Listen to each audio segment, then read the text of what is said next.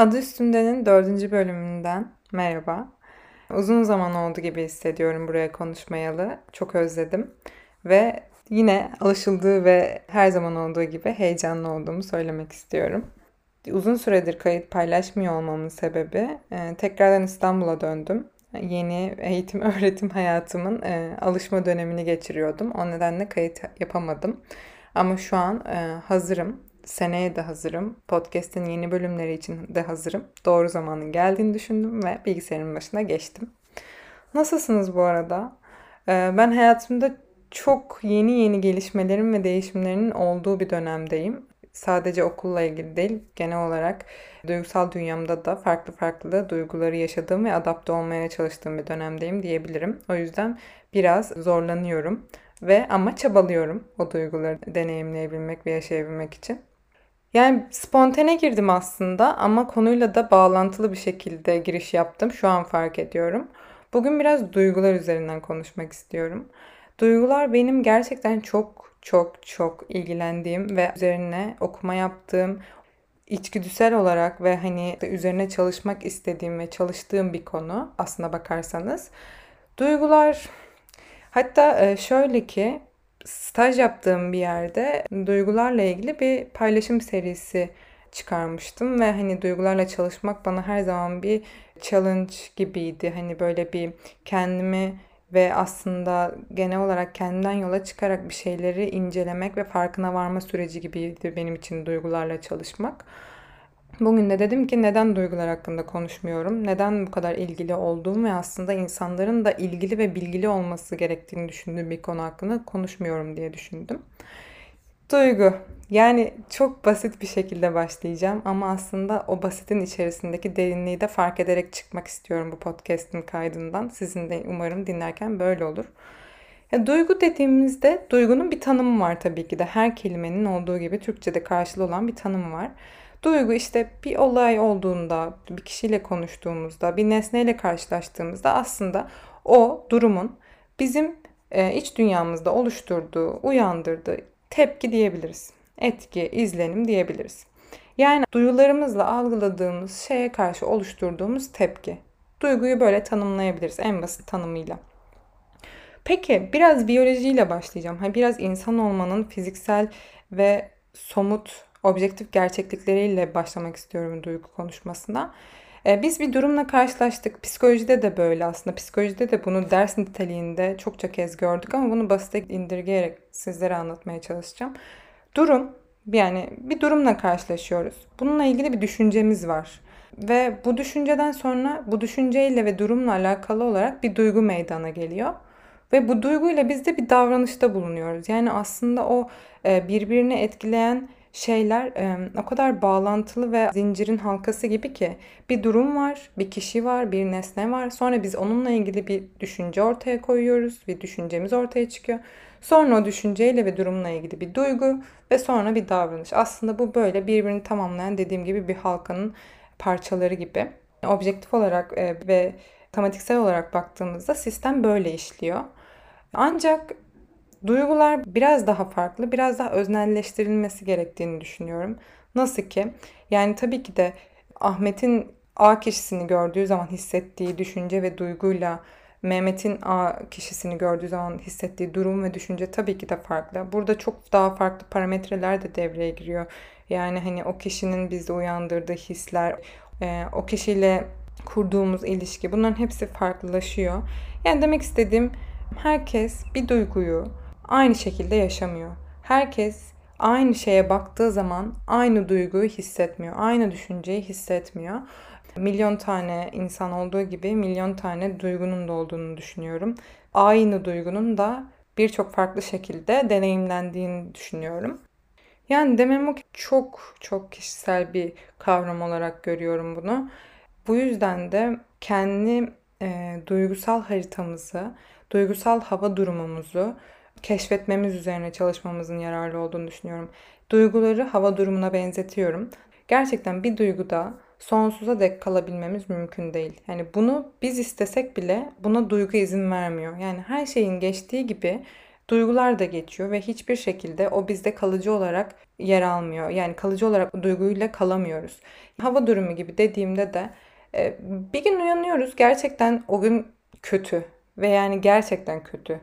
Olur ya böyle hissel olarak yani gerçekten ortamda veya ne bileyim yaşadığınız kötü bir şey olmaz ama yine de bir kötü hissedersiniz. İçinizde bir yumru gibi bir his olur.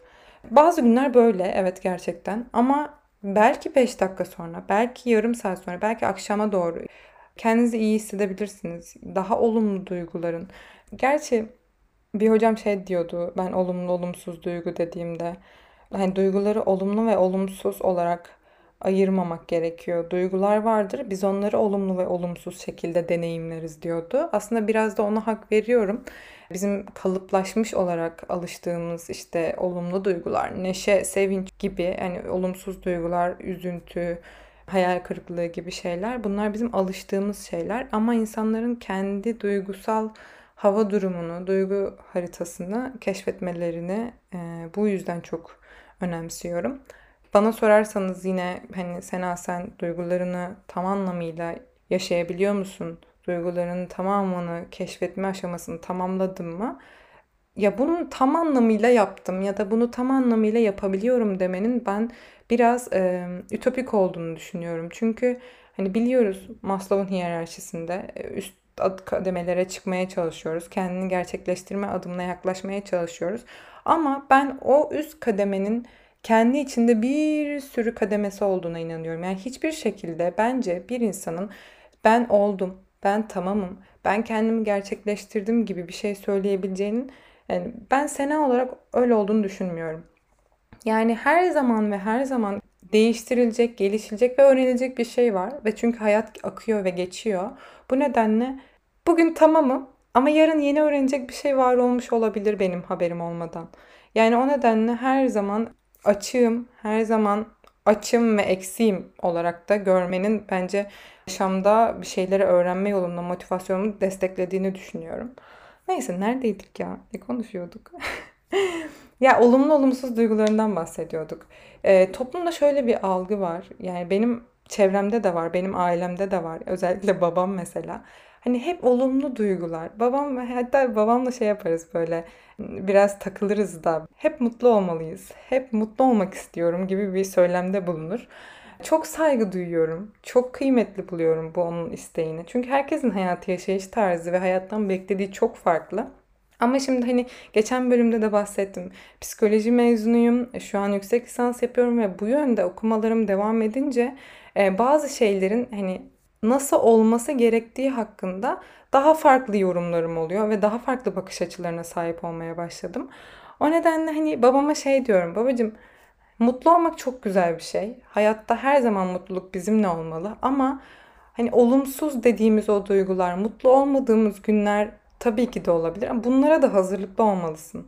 Onları bir yabancı gibi kapının dışına koymamalısın ki o kapı çaldığında davetsiz misafir olmasın. Yani o senin evine girmiş olsun. Sen onu misafir etmiş ol evinde ve o duyguyla tanışmış ol, oturmuş ol, görüşmüş ol ve onu tanı. Çünkü dediğim gibi hava durumu gibi bir gün güneş var evet ama öbür günün sağanak yağışlı olmayacağın hiçbir şekilde garantisi yok. Tüm duyguların yaşanması ve deneyimlenmesi gerektiğini düşünüyorum. Hatta işte çevremde duyduğum şeylerden bir tanesi de olumsuz duygular işte öfkeleniyorum vesaire hemen işte odağınızı başka yere çevirin. Üzülüyorsan üzülmemelisin. Hemen odağını başka bir yere çevirmelisin. Hadi bakalım seni motive eden şeylere yaklaş gibi şeyler duyuyorum ve bu bana nedense ters geliyor. Çünkü ben evet üzülüyorum. Gerçekten şu an üzülüyorum ve üzülüyorsam bence biraz o anda durmalıyım. Hani o duyguyu bir anlamalıyım ya. Ben neden üzülüyorum? Ben neden bu duyguyla baş başayım şu an? Baş başa kalmak durumundayım. Bu benim neden hissettiğim bir şey. Hani durup bir düşünmek. Ne oluyor bende şu an? Bende bu duygu neden var oldu? Aslında biraz farkındalığı da geliştiren bir yönü var. Ya da işte farkındalık olduğu için mi bu durmak ve sorgulamak? Aslında hani birbirinin de çok içinde olan şeyler. Olur ya içimizde birden işte o yumru birden hareketlenir ve büyür.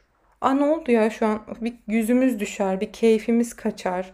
Orada bir duygu alevlendi. Bize iyi gelmeyen bir duygu. Hani ne oluyor şu an? Ben şu an neden bunu hissediyorum? Şu an aklımdan geçen ne? Düşüncem ne? Ne düşünüyorum ki bu olumsuz duygu benim yüzümü astırdı? Yani aslında e, kendimizin duygularını biraz daha yakından bakabilmek. Ve ben aslında bunu şey diye adlandırmak istiyorum. Duyguca dili. Kendi duyguca dilimizi öğrenmemiz gerekiyor. Yani bu dil çok önemli. Çünkü herkesin bu dili kullanışı farklı ve bu kullanılması ve konuşulması gereken bir dil. Bedenimizle, kendimizle, kişiliğimizle, yaşadıklarımızla ve günlerimizle kurduğumuz ilişkide bu dil çok önemli bir yerde duruyor. Çünkü biz bu dili bilmezsek kendimizde de aslında konuşamıyor gibi geliyoruz bana kalırsa. Yani ben mesela şu an dediğim gibi psikolojik olarak ve aslında duygusal olarak zor ve adapte olması da beni bir, bir tık yoran bir süreçten geçiyorum ve ara ara böyle ruhsal dalgalanmalar, duygusal dalgalanmalar yaşadığımı hissediyorum gün içinde. Bir müzik beni başka bir yere götürüyor. Bir koku beni başka bir anıya götürüyor ve hani o duygusal dalgalanmayı hissettiğimde duruyorum. Sadece duruyorum ve diyorum ki Sena şu an ne hissediyorsun? Şu an ne oldu da bunu hissediyorsun? Ne düşündün? Ne aklından geçti? Seni ne üzdü? Ya da bunu olumlu yönde de konuşabiliriz. İçimde bir kıpırtı olduğu zaman ya da ne bileyim bir heyecan duygusu oldu içimde. Diyorum ki Sena ne oldu şu an? Hani heyecanlanıyorum bir yandan da bunu sorarken. Hani ne oldu? Diyelim ki çok güzel bir plan yapmıştım ve onun yaklaştığını hayal ediyorum. Ay okey heyecanlıyım. Bundan dolayı. Aslında bu da hayatta motivasyon nedenlerimizi e, sarılmamıza neden oluyor. Bir duyguda asla kalamıyoruz. O da bizde kalmıyor aslında ve her şey gelip geçiyor. Olumsuz duygular da gelip geçiyor, olumlu duygular da gelip geçiyor ve o gelip geçerken onun elinden tutmak gerekiyor. Bir fark etmek gerekiyor, bir durdurmak gerekiyor. Olumsuz duygulardan hemen kaçmak isteyen insanlara şunu söylemek istiyorum. Tabii ki de insanlar mutsuz olmak için yaşamıyorlar ya da bir güne başlamıyorlar. Hani yani yapabilecekleri, sağlayabilecekleri en yüksek düzeyde verimle günlerini tamamlamak istiyorlar. Bu çok haklı bir istek tabii ki de. Ama olumsuz duyguların varlığını görmezden gelirsek o bir şekilde yani o bir şekilde kendini hatırlatacak ve bir şekilde görünür olmak için bir yerlerden çıkmaya çalışacak. Aslında olumsuz duyguların çevresinden dolanıp ona değmemeye çalışmaktansa o duygunun tam içinden geçmek gerekiyor. Bizi zorlayan duygu neyse, kaçmak istediğimiz, temas etmek istediğimiz duygu hangisi ise o duygunun tam içinden geçmeyi deneyin. Ona tam tam olarak temas etmeyi deneyin. Göreceksiniz aslında o kadar da korkutucu değil. Çünkü deneyimlemediğimiz ve bilmediğimiz şeyden her zaman kaçmaya devam edeceğiz. Kaçtığımız yer neresi ise, görmek istemediğimiz şey neyse muhtemelen orada bizim öğrenecek bir şeyimiz var. Hayatın ve bedenimizin bize orada göstermek istediği bir şey var. Bu duyguca dilini çok önemsiyorum. Ama bunu kişisel dünyanızda, kendi bedeninizde ve kendi yaşadığınız duygularla birlikte kendinizin keşfetmesi gerekiyor. Bu Ayşe'nin duyguları, Mehmet'in duyguları değil. Ben Sena'yım ve Sena'nın duyguları hakkında bir şeye sahip olmam gerekiyor. Bir beceriye sahip olmam gerekiyor. Sena'nın duyguca dilini keşfetmem ve öğrenmem gerekiyor. Neden? Çünkü kendimle iletişim kurabilmek için. Bu şekilde ve kaç tane de öneriyle bitirmek istiyorum podcast'i. Bir tane animasyon izlemiştim. Bu çocuk animasyonu bu arada. Inside Out ismi. Türkçesi yanlış hatırlamıyorsam ters yüz şeklinde çevrilmiş. 11 yaşındaki bir çocuğun aslında duygularını ortaya koyan ve o duygu değişimlerini ve duygunun ne kadar hayatın içinden ve hayatında akışını da yönlendirebildiğini gösteren bir animasyon. Çok keyifle izlemiştim. Öneriyorum. Çok güzel. Bir de benim duyguları okumaya başladığımdan bu yana e, stajda oluşturduğum içeriklerde de çokça yararlandığım bir kitap var. Duygular Sözlüğü. E, bu da Tiffany Watt Smith'in bir kitabı. Yani bunları zaten erişebileceğiniz linkleri aşağıya koyacağım. Bu da hani duygu nedir? Duyguların aslında çıkış şey yerleri ve e, duygularla dil arasındaki bağlantıyı görmenin ne kadar anlamlı ve büyüleyici olduğunu gösteren ve duygularımızı tanımlamak için de birçok e, sözcükten daha fazlasına ihtiyacımızın olduğunu gösteren bir kitap. Yani kesinlikle başucu kitabı gibi bir şey. Çok daha ufuk açan bir kitap. Bunu da linkini aşağıya koyacağım. Çok keyifli okuması. Yani bu okuyayım bitireyim bir kitap değil bu arada. Hani açayım, bakayım, bugün karıştırayım. Hani bakayım burada ne varmış, bugün ne okuyabilirim, ne alabilirim gibisinden. Hani günlük bir duygu bile okusanız gerçekten farklı farklı pencerelerin açılmasına neden olan bir kitap. Son olarak önemli olduğunu düşündüğüm iki şey daha söylüyorum ve sonra gidiyorum. Bir tanesi günlük yaşamda çokça iletişim kazalarına neden olan bir duygu hedef şaşırtmasından bahsedeceğim. Bunu hepimiz biliyoruz ve aslında zaman zaman hepimiz yapmışızdır. Keşke yapmasak. Söyleyince zaten hı evet diyeceksiniz. Birine sinir oluyoruz. O yoğun duygu bizden çıkıyor bir yay gibi ve bir hedefe gidiyor ya, birine gidiyor yani. Ama orada en önemli şeyin bence hedef şaşırtmamak olduğunu düşünüyorum. Yani ben eğer arkadaşıma sinirleniyorsam ve gerçekten öfkeleniyorsam, ona karşı yoğun bir duygu, onunla iletişimde yoğun bir duygu yaşıyorsam bunu anneme, babama, sevgilime, kardeşime yani ilgili olan ve onunla alakalı olan kişi dışında başka bir kişiye o hedefe o oku göndermemem gerekiyor. Bunu çokça kez ben de yapmışımdır. Yani yaptım aslında düşünüyorum şu an eskiden işte birine kızıp onu başka birinden çıkarttığım ya da ne bileyim o hedefi şaşırttığım çok zaman oldu. Ama artık yapmıyorum diyebiliyorum çok büyük bir mutlulukla.